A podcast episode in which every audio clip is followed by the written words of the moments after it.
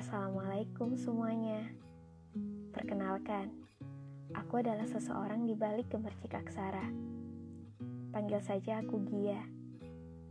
Sebenarnya, aku malu untuk menunjukkan tulisan dan suaraku. Biasanya aku hanya menyimpannya di buku kecil yang kusebut diary. Tapi kali ini aku ingin menunjukkan beberapa hasil berpikirku yang mungkin akan sedikit membingungkan.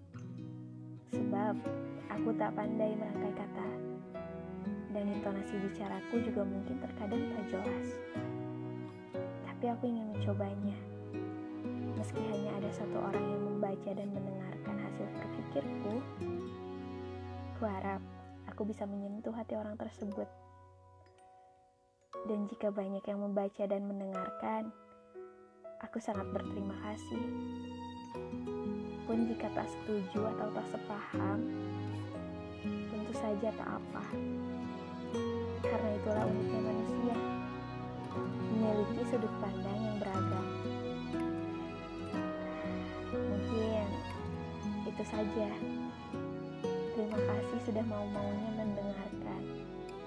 Sampai bertemu pada suara berikutnya. Jangan lupa bersyukur dan tetap tersenyum, karena kita berhak bahagia. Salam gemercik aksara.